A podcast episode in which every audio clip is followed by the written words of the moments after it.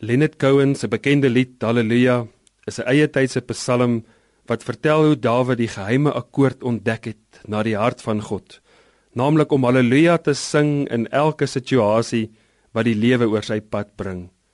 In die 4de en die 5de vers vertel hy van die effek wat liefde op hom gehad het. Aan die een kant was liefde letterlik asemrowend. Daar was heilige momente van saamwees en sensualiteit. Dit was goddelike ervarings waarin hy geesgedrewe haleluja gesing het oor die wonder van die liefde. Hy sê: And remember when I moved in you, the holy dove was moving too, and every breath we drew was hallelujah. Maar die liefde het hom ook diep ingrypend ontnugter. Liefde het nie net vreugde en geluk gebring nie, maar ook pyn en verwerping en alleenheid. Maar selfs in hierdie diepste modderpoel seer van die liefde het hy steeds haleluja gesing. I used to live alone before I knew you. I seen your flag on the marble arch. Love is not a victory march. It's a cold and lonely hallelujah.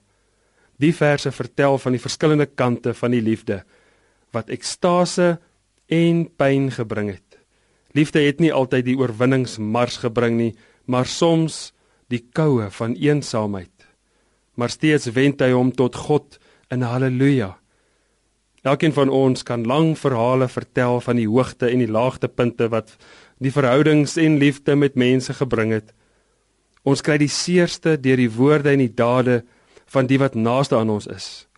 Die psalms vertel gereeld van die seer wat mense aangedoen is en dan hardloop hulle na God toe met 'n haleluja op hulle lippe wat God se hartsnaar roer is wanneer ons haleluja sing op plekke waar dit nie verwag word nie.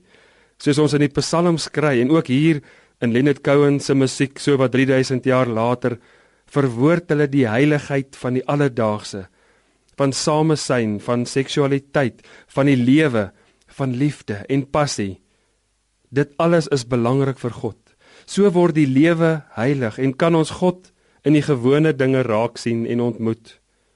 Die dag lê voor en daar is moontlikhede van wonderlike kontak met mense om jou wat opbouend en inspirerend is. Maar daar kom ook moontlik vreeslik moeilike situasies met konflik en pyn. Te midde van wat ons beleef, word jy uitgenooi om in die oop arms van God in te hardloop met 'n gebroke haleluja.